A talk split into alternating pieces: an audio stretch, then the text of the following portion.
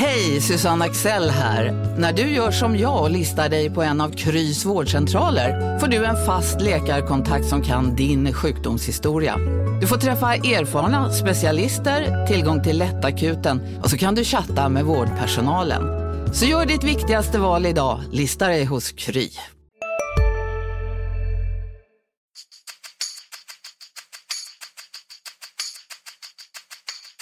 Ja, mycket, mycket snack om det här inhoppet. Det är svårt att förbereda sig. Va? Så att, det, det är mycket känslor som väller över. När jag kommer hem ska vi fixa allt det där.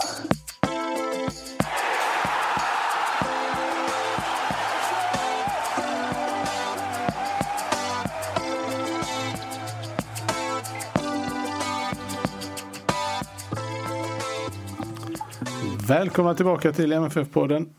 Det här är avsnitt nummer 173. Jag heter Fredrik Hedenskog. Jag har sällskap av Max Wiman och Fredrik Lindstrand. Morgon, morgon. Hej! Hej. Eh, det är ju trevligt att uh, ha, ha er båda i, Malmö. Det var ett tag sedan. Ja. Det har varit mycket, har varit mycket, framförallt Max, men även Fredrik har varit mycket på resande fot här på sista tiden. Eh, det vi har att eh, diskutera idag är ju eh, Malmö FFs senaste insatser. Det är egentligen då två hyllade insatser, i alla fall tre hyllade halvlekar mot Chelsea och två synnerligen bleka framträdanden i Svenska Cupen. Ehm, och det är sån, det är sån stor skillnad eh, mellan de här olika insatserna så man vet inte riktigt vilken, vilken fot man ska stå på, känner jag. Nej men så är det väl. Det är ju naturligtvis två olika tävlingar och delvis två olika lag. Men, men eh, det, det är så långt emellan så att det borde egentligen inte vara möjligt faktiskt. Eh, då tänker jag att det passar bra eh, för det här avsnittet att vi har ett å ena sidan och andra sidan tema. Eh, och det är, tycker jag då, lika bra att vi kastar oss in i det eh, med Eh, följande konstaterande. Å ena sidan gjorde Ove Rössler det mesta rätt när han förberedde sitt lag för matcherna mot Chelsea. Å andra sidan misslyckades han helt med att få spelarna att ladda om för Svenska Cupen. Ehm, och om jag börjar med dig Max, som du har uttryckt vissa tankar om det i, i krönikeform redan så tänker jag att du kan få börja där. Var, var, varför tror du att det blev så här? Nej, i grunden så man börjar egentligen framförallt med då insatsen mot Degerfors. Och man liksom, det är mest cupmatcherna som sticker ut. Eh, så inträffade ju det igen som tyvärr har hänt i Malmö FF ett antal gånger genom åren att eh, trots att du har ett väldigt bra lag på pappret så kan det inte leverera. De kan inte tillsammans skapa, vilket jag trodde faktiskt att de skulle klara av bättre denna gången. Men det blev ju oerhört tydligt att eh, han var tvungen att byta in Eh, ett par av de startspelarna så att säga för att överhuvudtaget få någon sorts ordning på det. Och det är flera spelare som eh, man faktiskt får tvivla på att de är MFF-material för framtiden i det här läget. Om de inte kan åstadkomma bättre när de väl får chansen. Om jag ska uttrycka det så. Sen tycker jag då att eh, om man ska ta i samma svep Östermatchen eh, så kanske jag tycker det är lite konstigt att han valde att plocka bort så många spelare då. Nu var liksom Europaresan över eh, och eh, på något sätt tycker jag man hade haft råd att spela fler ordinarie spelare då. Då tror jag inte man hade hamnat i den här sitsen. Det var ju inte så många men det var nyckelspelare som Sören Rex, eh, Lasse Nilsen, och Fouad Batshirou som inte startade. Och inte minst Batshirou saknades ju väldigt mycket. Men även Rex viljeinsatser. Men Fredrik, ska det, ska det verkligen behövas? Nej, det är svårt att säga. Men just om man tittar på tränarens roll i det hela så jag liksom vacklar lite där. Jag har lite svårt att bestämma mig. Det är klart att det är en ytterst en tränares uppgift att motivera sitt lag. Men det känns som att vad skulle han gjort inför Öster? Skulle han liksom hållit ett, något slags Al Pacino-tal liksom, och gått in och eldat på och sådär. Någonstans är det upp till, till spelarna också och, och liksom ta det ansvaret och ha, ha, vara motiverade på det sättet. Det, det går liksom inte för en tränare att säga åt ett lag. Nu får ni vara motiverade. Utan det är ju, men det är snarare effekten av ett långsiktigt tänk. Och de här Chelsea-matcherna har ju varit eh, fokuset sedan ja, egentligen slut, slutsignal i Istanbul mer eller mindre. Är, man har ju liksom i någon bisats slängt ut att kuppen är viktig. Men ja, den, den, sen är, den är ju inte så, så viktig som Chelsea-matcherna heller. Det har väl liksom speglat sig här på något sätt. Det, det är möjligt att, att det inte är samma. Man, man såg en, kanske om, om man tittar på, på cupinsatserna i fjol så var de på en helt annan nivå. Men då, då visste man ju också. Ja, de, nej, det är svårt att säga. Jag, jag tar tillbaka det. Jag, jag kan faktiskt inte säga att det fanns någon sportslig ingång där som var, som var bättre på något sätt. Det, det, det, är ett mysterium. Ibland blir det bara så. Det, jag vet inte om det är omgivningen som har med det att göra. Det blir en stor urladdning att gå från Sanford Bridge till liksom någon slags tipshall i, i Växjö där, bollen, där spelet måste brytas för att bollen har träffat taket. Alltså det, är, precis som Fredrik sa, det är ju jättesvårt att peka ut tränarens roll. Jag tycker nog att Rössler, det känns som man ändå har verkligen försökt. Men sen, det är klart att allting har haft ett fokus mot Chelsea-matcherna i första hand. Eh, men det jag tycker är konstigt och svagt det är att så många spelare som ändå borde känna att de är lite hyfsat nära en plats eh, inte överhuvudtaget har varit i närheten av att ta chansen. Eh, det förvånar mig varje gång det blir så faktiskt. Mm. Och det är också så här att man skulle ju tidigare kunna ha förklarat det med att ja, det är många nya som ska in i systemet och tankesättet. Men MFF har ju en ganska sammansvetsad trupp som har tränat ihop under en ganska lång tid och, och, under, och vet ganska väl vad Rössler känner. Och då kan man tycka att det är konstigt att, att det liksom nästan blir lite så spelmässigt haveri trots att inget egentligen är förändrat och att alla vet ganska väl vad de ska göra. Eh, så det är väl lite mystiskt. Um. Sen ska man väl skjuta till också att det är just det. det är, jag förstår inte att fotboll kan spelas på det. Att det kan vara tillåtet att spela en tävlingsmatch i... Det är, ändå, det är ju ändå Svenska Kuppen liksom, de som, vars status har blivit bättre. Liksom, att det ska spelas inomhus. I, i liksom, på någon slags plast... Ja, det, liksom, det, det for ju såna här eh, gummikulor eller plastkulor eller vad det är. Liksom. Det, det är helt otroligt att det, var, det har ju inte varit kallt De, om inte det småländska höglandet har bjudit på något Nej, men det, det, exceptionellt. De, de, det måste väl finnas en uteplan? Det, det, det gör det ju säkert och det, absolut. Men de bestämde väl ganska, ganska tidigt. Sen, sen är det ju konstigt även om det är varmt även där uppe. Det, det var ju så att det var frost den natten sen. Mm. Så att det är ju men eh, jag vet inte det här med planer. Ibland så, så kan jag tycka, för jag, jag tycker också att fotboll ska spelas på gräs eller hybridgräs, punkt slut. Eh, samtidigt så på något sätt tycker jag att den här gången kan det inte försvara MFFs insats på något sätt. Nej, alltså, alltså MFF, MFF ska ju besegra Öster även om de spelar på is. Ja, men lite grann så är det. Eller i alla fall få med sig ett kryss. Det, det hade ju varit dugligt. Det är också en, en aspekt av det som är väldigt konstigt. När MFF har, har, hade ju uppenbarligen problem och då får man ju anpassa sin matchplan efter det. Och nu fick de ju lite till skänks den här kvitteringen. Som jag, som jag tycker var, jag tycker att det var straff. Eh, men det var ganska vilda protester mm. från Öster där. Men jag tycker så här, ja men Ja, den var, tyckte den var rätt tydlig. Faktiskt. Ja, jag tyckte inte det var så mycket att prata om. Men, eh, men har man fått en sån kvittering till skänks och det är bara minuter kvar och man har haft en match som har ändå haft stora problem, vilket kan hända förstås av olika anledningar. får man inte vara så liksom, ovaksam så att man släpper in ett 2-1 och, och äventyrar hela turneringen på det. Där, där handlar det om att, att liksom stänga ner och spela av matchen.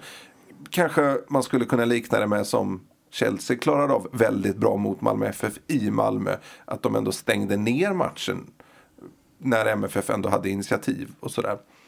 Det sen, men eh, det här med, sen med, med underlag och att det är inomhus och framförallt det, det som egentligen var värst när man var på plats, jag vet inte om det framgick i tv då, att det var så dåligt ljus. Oerhört dåligt ljus. Men alltså hur svårt är det att förbereda sig ordentligt? Malmö åkte upp till Växjö dagen före match.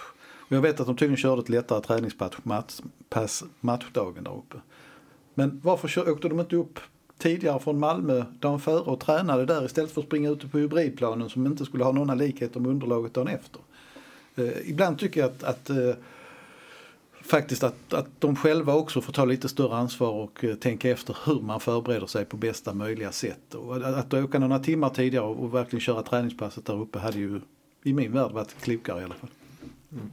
Men i hela den, den situationen som både då mot eh, Degerfors och mot Öster nu leder in till ett, ett annat, vad ska man säga, ett besläktat å ena sidan. Då det är ju det här, å ena sidan har MFF 13-14 man som är väldigt högklassiga. Men de vad ska man säga, så vi uttrycker det på rätt sätt där. Å andra sidan så, så står det ett gäng spelare, vad blir det, en åtta stycken utanför där som, eh, som, som liksom har, har tappat tempo. Och det visar ju sig i de här matcherna, de kommer ju inte upp i den nivån då. Så det... Nu borras det i vanlig ordning i huset här. Så. Det är inte Fredrik Stenberg. inte denna gången heller. Um, Nej, men jag, jag, jag, kan också, jag är väldigt förundrad fortfarande över att man inte, nu vet jag inte, Sören Rex var inte med i truppen så det är möjligt att han inte kunde spela. Men eh, att man inte valde att eh, ändå matcha lite hårdare i det, den, denna, denna matchen. Ja, och sen är, för sen är det ju en, en vecka där de kan... Ja, och det, det var ändå torsdag till måndag. Det var liksom rätt många dagar emellan. Mm. Eh, om man nu ska ta kuppen seriöst. För den andra delen av detta är ju nu att om man åker ur kuppen så står MFF med en månad utan, inte utan planering ska jag säga, men i alla fall utan synlig planering. Men jag tror inte det finns så mycket inplanerat faktiskt. Eh, och eh, det kommer ställa till rätt stora problem inför allsvenska starten. Där. Med tanke på eh, övriga resultat i kuppen så kanske det är fler allsvenska lag som kan tänka sig träningsmatch. ja, precis. De kan dra igång allsvenskan tidigare. ja, men jag, jag vet inte. Det känns ändå som att Malmö FF i sina förberedelser haft sånt oerhört fokus mot Chelsea-matcherna jag kan inbilla mig att de andra klubbarna har liksom haft en mer långsiktig plan med vad de har gjort hela, alltså på ett annat sätt. Va? Jag tror inte att, att de drabbas lika hårt på något sätt av att eh, plötsligt åka ur kuppen Även om naturligtvis det är jobbigt för, även för Östersund och vem är det mer som har åkt? Hammarby? Hammarby vill, ja, Östersund är väl ute De är borta. De kan inte vinna där. Hammarby har ju fortfarande chansen. Men det är ju fler lag som är illa ute. AIK är ju lite illa ute. Även om de ser väl ut att klara det nu då när Ja, vilka var det nu som tappade? Ja, J Södra ja, de leder, de leder i gruppen ja. fortfarande. Men de har liksom, det finns poängtapp där. Så det är några stycken ändå som har darrat lite. Elfsborg är väl um, är väl illa ute också tror jag. Men de Sen, hade ett allsvenskt lag i gruppen också så det var inte lika givet. Nu, vi, vi kör fast. Om vi snackar om det här å ena sidan och andra sidan. Så visst, å ena sidan så är var det tveksamt att spela i den inomhushallen i Växjö. Men å andra sidan så är det helt fullständigt makalöst galet att den har stått där i 30 år och under de 30 åren har Malmö inte fått en fullskalehall för fotboll. Mm. Jag tror mm. att den hallen bjöd på Zlatan Ibrahimovic första eh, landskamp för Sverige. Janne Jönsson var där. Mm. Mot Färöarna ja. Mm. Uh, och, det var en lika sprudlande tillställning som cupmatchen.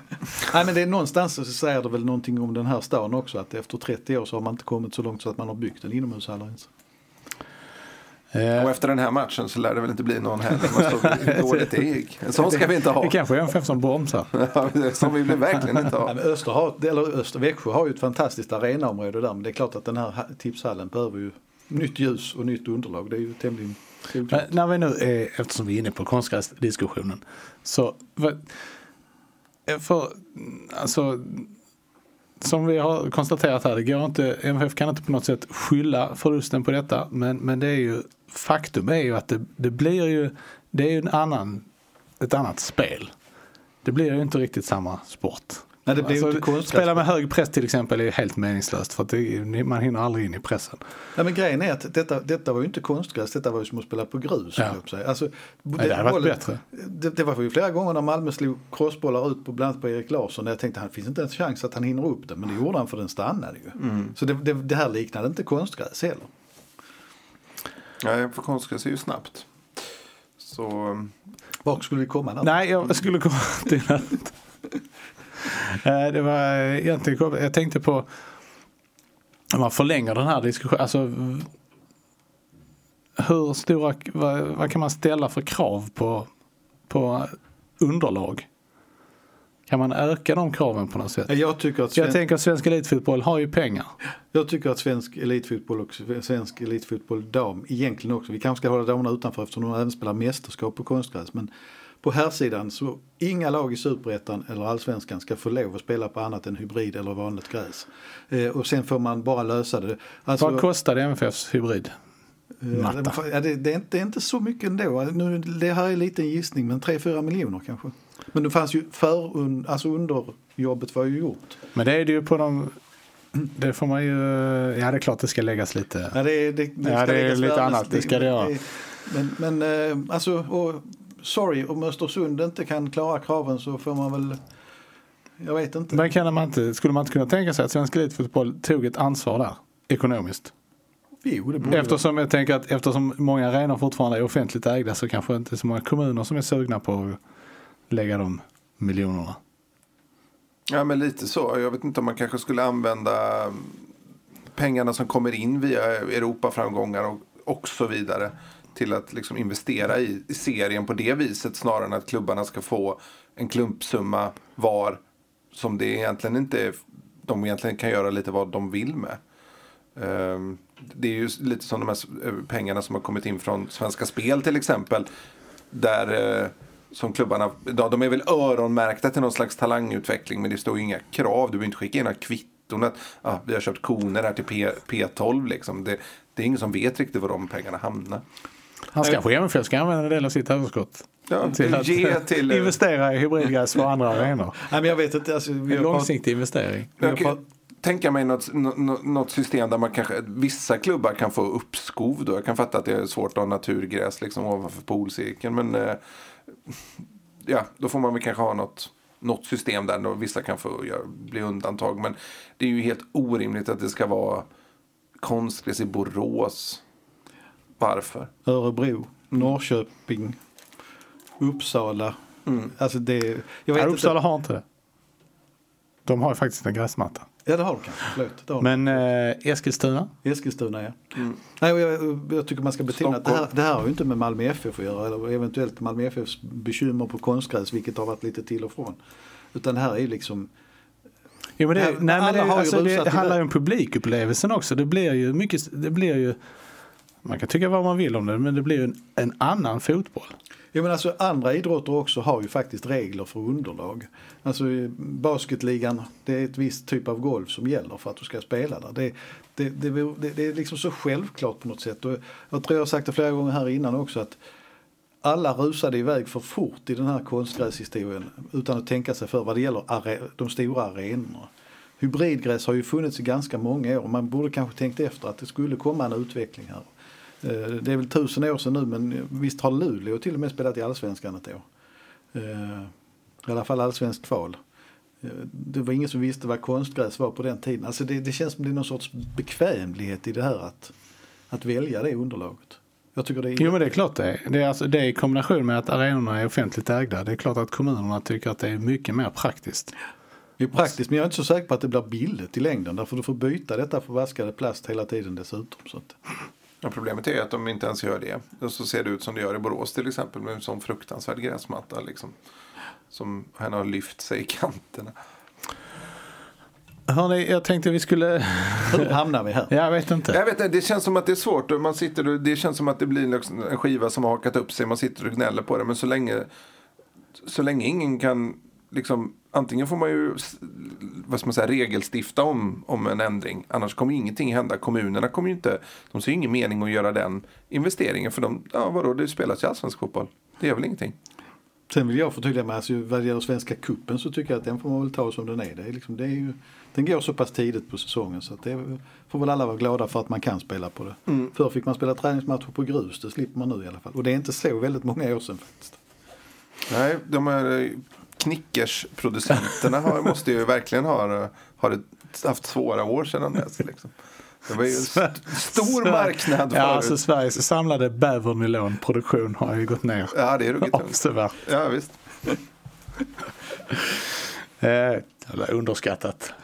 Underskattad Har- har du- har du- textil Har du faktiskt. spelat på grus? redan? Ja, oh ja. Ja, När konstgräsrevolutionen kom Ja, när ja, nå- någonstans runt där på 90-talet kör man ju fortfarande grus. Det var ju väldigt få.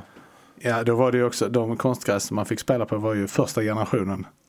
Som var ju som, Ja, Heltäckningsmattorna. som ett ja, precis, betonggolv med lite heltäckningsmatta. ja, istället för 84 generationens grus.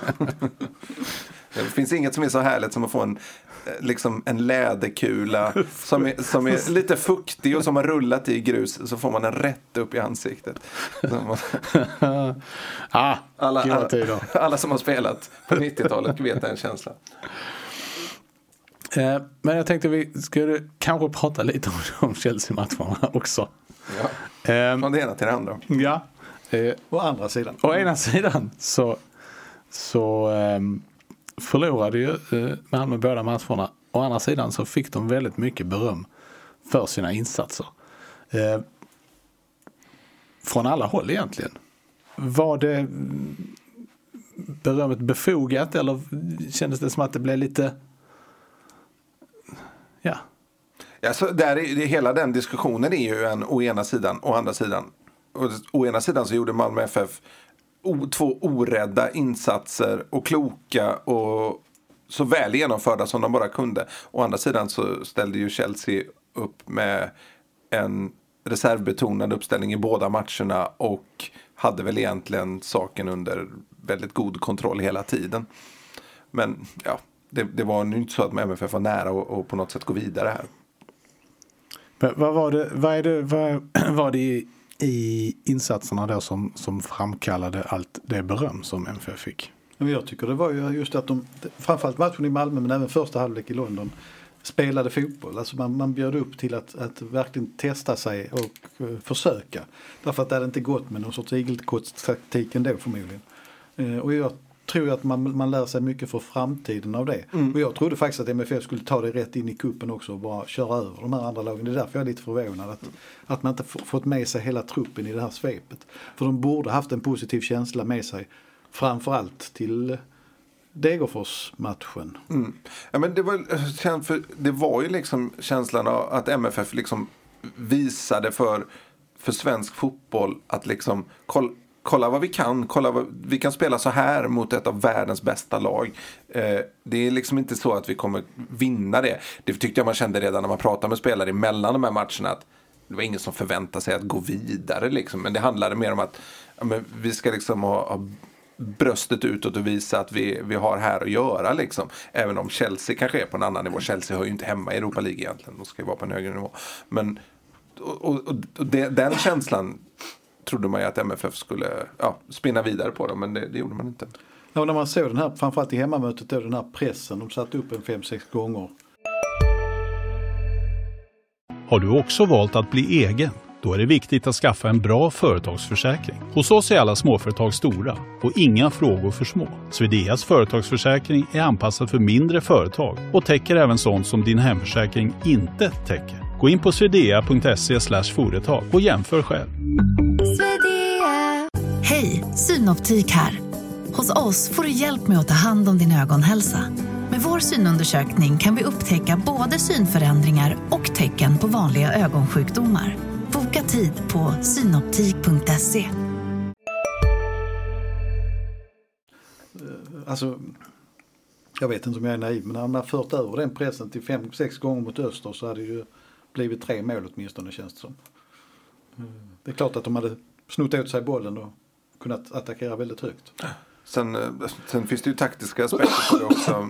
Ja, nu går vi, hamnar jag, hamnar jag återigen i kuppen där, men Carlos Strandberg och Marcus Antonsson är inget bra, eller inget Nej. bra, men de, de funkar väl indi- individuellt med andra spelare visar, men det är inget bra anfallspar. Ingen av dem har egentligen den här förmågan att ta emot bollen och göra någon spelare. Marcus Antonsson för att han är en djupledsspelare och, och liksom av, avslutare mycket, mycket mer.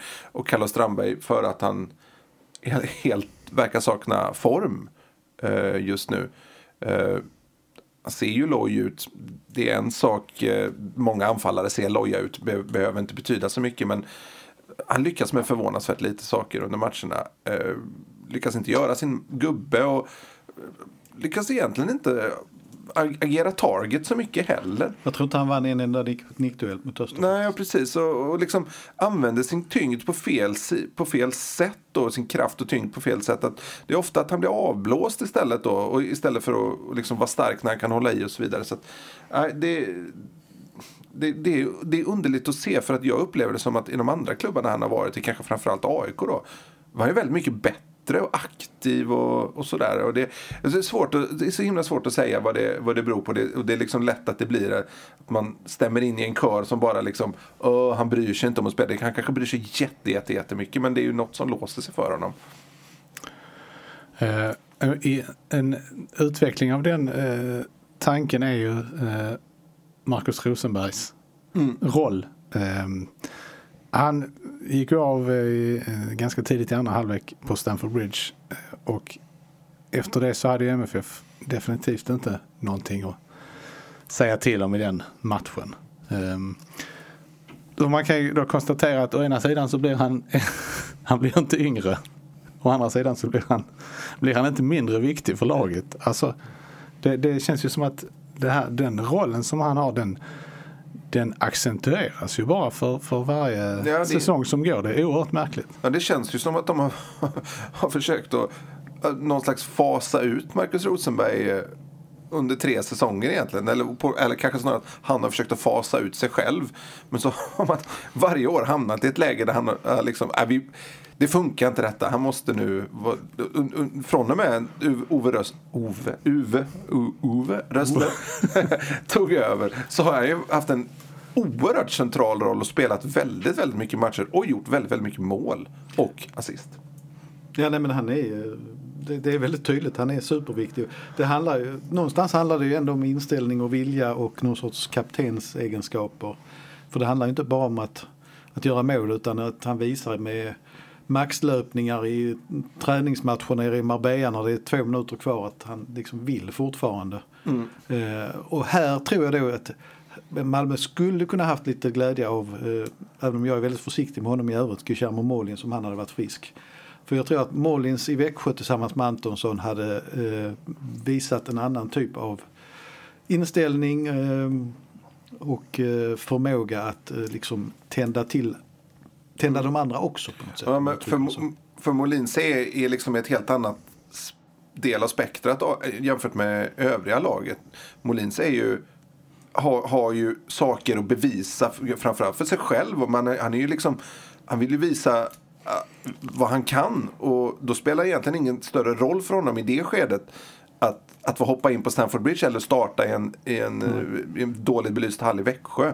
För att han är spelsugen och vill visa och vill ha tillbaka sin plats i laget. Ja, och han Så har han har ju varit det- den ultimata spelaren att, att starta där. Och han har ju det i kroppen på något sätt också det här, mm, även om han har, det skar sig ett tag, men han har ju Malmö-DNA i kroppen. Så att han, det, det, det är, jag, jag tror inte man ska förringa det, att det har stor betydelse. Och alla spelare kan inte få ut det och påverka alla andra, om jag ska uttrycka det så. Jag menar, Oskar Lewicki har också MFF-DNA verkligen i kroppen, men han kan inte driva ett lag på samma sätt. Eh, för han har inte riktigt de egenskaperna. Nej. Eh, sen som sagt, det är en väldigt hypotetisk fråga eftersom Molins fortfarande inte är i träning. Men Ja, det är fortsatt märkliga ljud i byggnaden. Ja, de Förut. håller på och förbereder för den här sportaffären som ska ligga inne i eh, triangeln. Jag tror det är det som håller på och borrar. Jag kommer aldrig handla där. ja. Man stört dina tankar så ja, mycket. precis. Men eh, hur är det med, med, hur bedömer vi skadeläget på Rosenberg och, och Molins då? Men vi som menar är du, Max. Jag som, som ändå har en doktorsutbildning. påminner mig om en träning för ett antal år sedan när Roland Nilsson kom fram till mig. Ja, så är du doktor nu också? för vi hade skrivit något om någon skada. Eh, nej, men det, Eller hur tolkar du signalerna? Nej, jag, jag, det är lite svårt faktiskt. Eh, Jag var nere och kikade på träningen igår. Det var ett litet gäng som var ute men det var ingen Molins och ingen Rosenberg. Jag tror att Rosenberg är det här är bara, nu, det här är livsfarligt för det här är bara spekulation. Jag tror att Rosenberg är flera veckor bort innan han är i full träning. Ja, alltså, han, Att det- han, jag, så här, jag tror inte att han spelar för en allsvenskan. Nej, alltså- gång. Sen är ju frågan om han hade kunnat spela. Men Jag tror han spelar kanske ett genrep eller något sånt där. Eh, Eller om någon drömmer om någon SM-semifinal, eller vad heter det, cup-semifinal där fortfarande. Men eh, nej men eh, Molins tror jag kan väl vara ute på planen ganska snart igen om vad jag förstår. Men där kan ju komma bakslag igen. Alltså det, hela hans situation är ju eh, svår. Den är ju svårbedömd, komplicerad. Eh, med tanke på att han har spelat så lite och har skadehistoriken. Man vet ju inte. Det, bär, det, är, det är verkligen å ena sidan och andra sidan bära eller brista. Men jag tror, jag tror han spelar ju inte till helgen. Det kan vi väl slå fast redan nu. Och då är ju faktiskt ett tredje lite så mysterium då, det är Frans Brorsson och den här infektionen som han har fått i kroppen på något sätt. Eh, Och han syns ju inte heller till ute på planen. Så att eh, där är ju tre starka orosmoln Mhm. för stunden. Det, ja, det skulle, MFF skulle behöva göra klart med Jo Inge Berget här under veckan. Ja, det det- precis det var jag var inne på också. Det, det skriker efter det nu för att det, den här situationen Malmö hamnade i höstas när man bara hade två anfallare när Strandberg var skadad och Molins var inte i träning. Man är ju nästan där nu igen, eller man är där nu igen. Och dessutom en Strandberg som då är helt ur form. Jag ser det nästan som är bättre om man nu får spekulera lite fritt inför, eh, inför det som komma skall då på lördag, väl? Söndag? Lördag? Lördag, Lördag. 16. Eh, kanske att man använder eh, Tröjstason Absolut. som anfallsspelare istället. Vilket man ju gjorde under, eh, under Europa Leagues gruppspel en del. Och riv, river och sliter och, och, och även i kuppen kommer han kunna få ut mer av sitt eget spel också. Jag håller helt med dig för att jag tror att då hade du fått en press som hade fungerat också. Eh, Han, Traustason måste, apropå honom måste jag bara säga att han hade ju verkligen inte domaren på sin, sin sida Nej. i Växjö. Ja, jag tyckte att han var ganska bra men han fick ju det var ju åtminstone fem frisparkar som han inte fick. Ja, det är sant. Och han är i riktigt bra form, alltså, tycker jag Traustason. Eh, eh, ja, jag tycker jag håller helt med. Jag tycker han borde spela där framme på lördag. För de får ju göra ett försök här nu i alla fall. Eh, och, eh, det kan låta som att han sitter elak mot Strandberg. Men han har ju spelat bort sig och startelvan. Det går ju inte att starta honom nu igen. Det vore väldigt märkligt. Men om man återvänder till, till berget och hur, hur sannolikt känns det? Ja, Svår, svårt. Ja. Det känns väl ganska sannolikt. 32? 32 procent sannolikt. Nej, jag tycker det, det... Jag har inte koll på, på hur, hur, liksom, hur nära de är varandra, klubbarna. Men agenten har ju bekräftat att de pra, klubbarna har pratat med varandra. Nu var det ett tag sedan han uttalade sig då. Eh, Berget har väl inte sagt någonting själv. Men han är kontraktslös. Han har trivts i Malmö. Och Malmö är ju i något slags behov av en anfallare till. Eh, alltså indikationen nere i Marbella var ju att det inte var särskilt aktuellt överhuvudtaget. Men att, eh, sen kan ju saker och ting ha förändrats och inte minst det faktum då att, att det ser ut som det gör i truppen. Tror jag skulle kunna få MFF att höja buden. Sen så kan ju faktiskt Jo Inge Berget är ju en spelare som kan användas som wingback, han kan användas som anfallare och kan användas som en av de tre centrala Centrala. också. Så att den, det är ju, det är ju en, en bra förstärkning för MFF. Sen det enda jag tycker man ska lägga för stor vikt är ju agenter som pratar för mycket. Nu i och för sig det är väl eh, Stålbacken han har kanske Ja, relativt pålitlig så. Jim det- tror jag han heter. Ja precis. Mm. Men det är för mycket sånt här snack liksom när de ska placera. Jag log för mig själv när en av våra tidningskollegor när den här Kevin Alvarez, kommer ni ihåg honom? Ja, ja, han är ju... Honduranen som blev klar för Norrköping. När, eh, och, jag menar, alltså, Daniel Andersson är en hemlighetsfull person men samtidigt är han ärlig när det, han kan. Och han var ju oerhört tydlig med att Kevin Alvarez inte har varit aktuell för Malmö FF. Ändå lyckades en kvällstidningskollega till oss ha rubriken Norrköping snuvade MFF på Alvarez. det är rätt fascinerande egentligen. Ja. Ehm, hur, jag tänkte eh, för att återgå till eh, det du sa om Frans Brorsson. Så där känns det ju som att eh, en, en relaterad fråga, för nu är det ju eh, nu är det ju Nielsen, Bengtsson och Safari och sen så är det Anel Ahmedhodzic som är nästa man på tur som det är nu. Eh, och där känns det som att det finns, finns mycket Eh, det känns som ett väldigt bra råämne men det man har sett i kuppen har inte känts som att han har varit riktigt nu, nu Redo. försvinner du ju från ditt Ja, jag ena vet, sidan. jag vet. Tog du inte chansen här? Nej, men det kan väl säga så å ena sidan ett råämne men å andra sidan inte riktigt flygfärdigt. Ja. kanske. Vad Är du, det, det är så jag menar. Exakt så jag menar. Precis. Ehm, Och å ena sidan en, en väldigt intressant podd och å andra sidan jobbigt att lyssna på det här borrandet. eh, men, eh, men frågan är, har liksom MFF tvingats att eh, skynda på hans inträde i laget här? Det, det tror inte jag i och för sig därför att de kan ju använda Oskar Lewicki där bak om det skulle behövas. De har ju fått göra det under match någon gång här nu. Eh, jag kan väl tycka så här att de gjorde ju en chansning mot eh, Degerfors i cupen när de skickade in hela reservlinan där bak. Eh, men det var lite modigt av Ove Rössler att skicka in Anel igen med mer rutinerat folk mot öster. För jag tror att han ville upp honom på hästen igen efter det som hände. Mm. Anel var väldigt knäckt efteråt. Eh, och han visade ju, det var ju verkligen å ena sidan och andra sidan i Östermatchen. Han var vilsen i några brytningar och några gånger så liksom såg det ut som han vände på fel håll. Och han, men å andra sidan hade han några väldigt fina passningar och eh, bröt fram bra på ett par, på par. Så att jag tror att där finns, där finns ett väldigt bra råämne i det. Ser också sen kunna tror ut att vara ett vapen på, på fasta Ja, precis. Han hade ju en jättebra eh, nick precis över. Men sen tror jag ändå lik förbaskat att det var ett misstag i slutändan att spela honom mot Öster. Därför jag tror inte att MFF hade släppt in båda de här målen. Eller fram- framförallt det första målet, det andra var ju på andra kanten. Eh, om eh, Nielsen hade varit. Jag tror att man hade haft en klarare offside-linje och en tydligare liksom, struktur i sitt spel. Jag tycker det är svårt rent generellt. Alltså, eh, det är svårt att säga något specifikt om, eh, om just Anel. Uh, eh, vad han, hur bra han är, var han står och sådär. Det, det är ju en jäkla skillnad på A-lagsfotboll och U23-fotboll. Sen, men det, om man säger rent generellt så, så kan det vara att man överskattar det här med, med spelare som har varit i ungdomssektioner i, till lag som forna storlag till och med. För Nottingham är ju inget gigantiskt nu liksom. Men tittar vi på eh, Alexander Milosevic som vis, visserligen var en av allsvenskans allra bästa backar. Han gick ju in i Nottinghams första uppställning och spelar där nu liksom. Och, och, och då liksom har, har Anel har ju inte, han har gjort en match för A-laget. Och det, menar, om, om man bara låter det avgöra distansen mellan dem så, så pekar det ju på att Anel faktiskt har ganska långt kvar till, till allsvensk toppstatus då. Eh, så att någonstans så känner jag att han behöver ju spela A-matcher för att bli bättre. Och det, det är möjligt att MFF borde lånat ut honom istället för Hugo Andersson egentligen. Behöver Hugo också startmatcher? men han känns ju kanske i rent spelmässigt längre fram egentligen. I alla fall i, i MFFs modell. Hugo har ju klarat det bra när han eh, har, har spelat.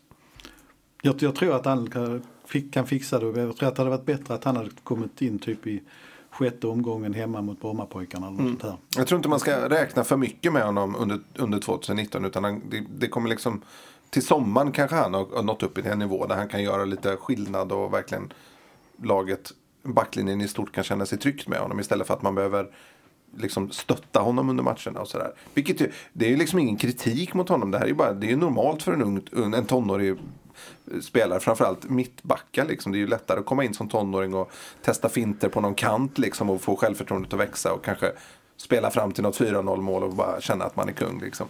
Det är, det är svårare att komma in som mittback. Det låter lite som du återberättar din egen, Det här finns inga, inga som helst kopplingar till mig. Nej, men det, är ju precis, det var ju precis det jag eh, menade med, med Brorssons mystiska infektion. Alltså att man har, att man har fått snabba upp den här processen lite mer än vad man Ja, kanske så, hade planerat. Ja, så är det säkert.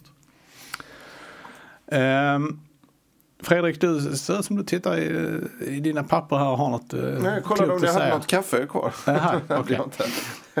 Nej men eh, just kuppen så tror jag, eh, om man ska titta rent, nu känns det ju uppgivet och kört då från alla möjliga håll apropå det här och det är ju ett svårt läge men man ska ju inte glömma bort att Öster troligen måste åka upp till Degerfors och vinna den matchen. Och Degerfors är ju inget dåligt lag. Men Apropå man inget- ska titta lite rent Ja, de måste ju, tabellmässigt. de måste ju faktiskt sidan- inte vinna. Å andra sidan har de inget att spela för Degerfors. Nej, Det, och så, å andra sidan räcker de oavgjort. ja men, du har- ja får vad dum jag är. Just det, det är klart, det är klart. Nej just det, Degerfors måste vinna. Ja. Ja. slarvigt eh, kollat i de tabellen. Det är inte helt omöjligt. Ja, men det finns ju en sån här, MFF var ju i, för inte så länge sedan i faktiskt en liknande situation i allsvenskans sista omgång där när eh, Östersund slog eh, eh, Östersund utan någonting att spela för slog eh, Hammarby. Och eh, MFF tog Europaplatsen där. Men det var ju Hammarby. Ja, det var Hammarby i och för sig. Men Öster har inte vunnit mycket på senare tid. Jag försöker bara tänka, blir det inte oavgjort? 3-3. Jag klarar de sig på 3-3 då? Jag har för mig att det blev... Nej, jag kommer till det. Ja, det, det var- hemskt. men det Nej, fall- det blev nog oavgjort. Ja. Men det var ju som en förlust för Hammarby. Det var ju det var det. det var de, skulle, de behövde vinna. Tycker du vi är Det tredje nu? Den är, det är inte en klockren parallell men den eh, har konnotationer. Men man ska komma ihåg att matchen i Malmö har ju liksom ett dubbelt liv eftersom Falkenberg faktiskt också kan vinna gruppen fortfarande. De är ju, det är ju egentligen samma sits för dem. Att vinner Falkenberg mot MFF och uh, Degerfors slår Öster så går väl Falkenberg. Ja, men det är ju återigen det som är så helt sanslöst att MFF, och ett kryss var inte så imponerande, men att man väljer att inte försvara sig lite bättre under matchens sista fem minuter. Där. Det, för det var ju inte så att det var ett jätteslumpmål heller. Det var ju någon form av upprullning ändå. Och en, en eh, tillfälle då Safari skulle skickat upp bollen i taket. Mm. Ja, men lite så. så och låter. Alltså har man den möjligheten så ska man ta den. Det, är- man kan, det är lite taktiskt där dessutom för då blir det nedsläpp och eh, då hade ju Safari skickat ner den till Östers målvakt. Precis. Um, Sen är det ju så, kuppen är ju, det är ju på det viset också att titeln i sig är ju inte det som, som är det stora här liksom. För att vinner MFF allsvenskan i år och tar de sig till Europa en gång till så är det ingen som minns den. Och, men, Max, och, ja. Och den, Max och Marcus Rosenberg. men och det finns liksom inget... Ja, det, och Europaplatsen är redan fixad så det, det, den har inget sånt värde heller. Men det är ju oerhört tungt av två anledningar. Att inleda säsongen med ett jättefiasko. Eller nu har man inlett säsongen mot Chelsea som var bra. Men det blir ju ändå, man sparkar igång den svenska eh, säsongen med ett fiasko och alla frågetecken som följer med det. Och sen också det här rent planeringsmässiga. Liksom. Man får inte spela tävlingsmatcher in nu utan man kanske måste dra iväg på ytterligare träningsläger. Eh, man måste börja liksom, ragga motståndare och så vidare. Planerings, jag, jag, jag är böjd att hålla med dig Fredrik om det. eh, Liksom, planeringsmässigt. titelvärdet. Men Max, du har... Jag skulle säga planeringsmässigt där så håller jag helt med för jag tror det är det som är det stora bekymret. Men om vi ska vara sådär riktigt formella då så är det faktiskt så att titeln har ju betydelse för Europaspelet. Därför att om MFF vinner Svenska Cupen så går man in en omgång senare i kvalet i Europa i sommar. Så att den, är inte, den är inte helt utan betydelse. Sen ska den kvalomgången vara så lätt så att den ska inte vara något problem. Men det är lik förbaskat så att de kan slippa en omgång om de vinner cupen. Eller hade vunnit den. Eh, hur, eh, med tanke på rådande förutsättningar då. Vad, vilken, alltså vilket MFF, hur ordinarie MFF vill ni se mot Falkenberg? Nej, nu är det ju inget att spara spelare för. Nu är det ju bara att skicka in de bästa och låta dem ösa på liksom. Absolut. Och jag tror inte Rosenberg är klar men då tycker jag precis som Fredrik att Traustason in på topp bredvid Antonsson. Eh, och sen centralt så måste det bli Batch i ro AC och förmodligen Lewicki då. Romengel gjorde ju inte någon succé. Och så Rex in på kanten och Windheim framförallt in på andra kanten. Erik Larsson har ju inte tagit chansen där. Nej, det, måste, det, måste bli, det här kan ju faktiskt mycket väl vara den sista tävlingsmatchen fram till eh, den allsvenska starten. Så att det är ju lika bra att försöka hitta någon slags match, så, matchlikt, tävlingsmatchlikt som det bara kan bli. Liksom. Sen ska vi komma ihåg när vi pratade om Berget, jag tänkte bara på det för jag febrade också lite grann där och tänkte liksom, ja men in med honom nu här direkt. Men jag vet inte när han spelar match senast, jag vet inte hur han har tränat så att det finns ju många frågetecken runt honom. Han känns ju som en, eh, känns som en typ av person som inte slarvar med träningen. Nej jag tror inte det heller. Men, han, Men det vet man inte. Han har ju spelat matchen i, jag vet inte när amerikanska I höstas eh, någon gång var det. De gick ju till, eh, de åkte väl ut i kvartsfinalen där. Har jag för mig, New York. Och då vet jag att han spelade någon av de matcherna. Jag tror han spelade inte första men andra. Men det är rätt tidigt i höstas va? Visst är det? Ja, det är nog oktober vi pratar då.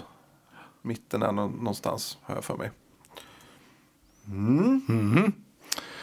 Eh, det har ju varit lite eh, så så här eh, svajigt med, eh, med poddandet här under, under år- årets inledning. Mest för att eh, MFF har varit iväg så mycket.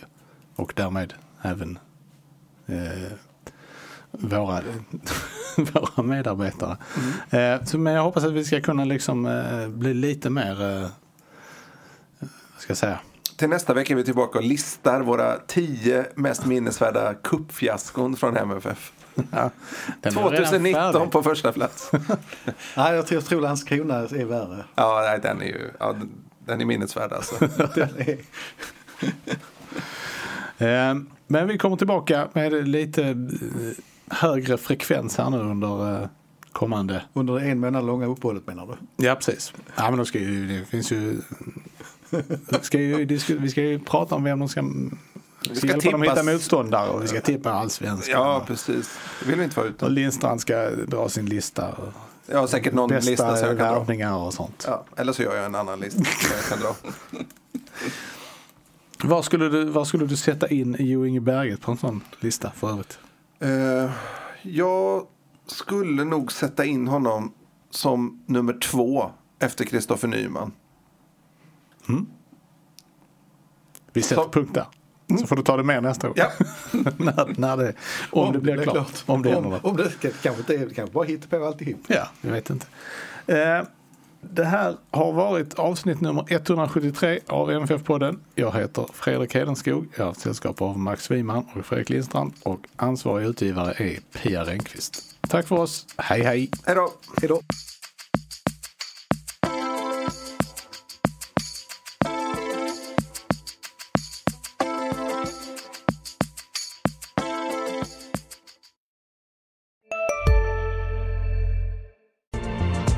I magen och du behöver få i dig något snabbt? Då har vi en Donken deal för dig. En chicken burger med McFeast-sås och krispig sallad för bara 15 spänn. Varmt välkommen till McDonalds. En nyhet. Nu kan du teckna livförsäkring hos Trygg-Hansa. Den ger dina nära ersättning som kan användas på det sätt som hjälper bäst. En försäkring för dig och till de som älskar dig. Läs mer och teckna på trygghansa.se. Trygg Hansa. Trygghet för livet.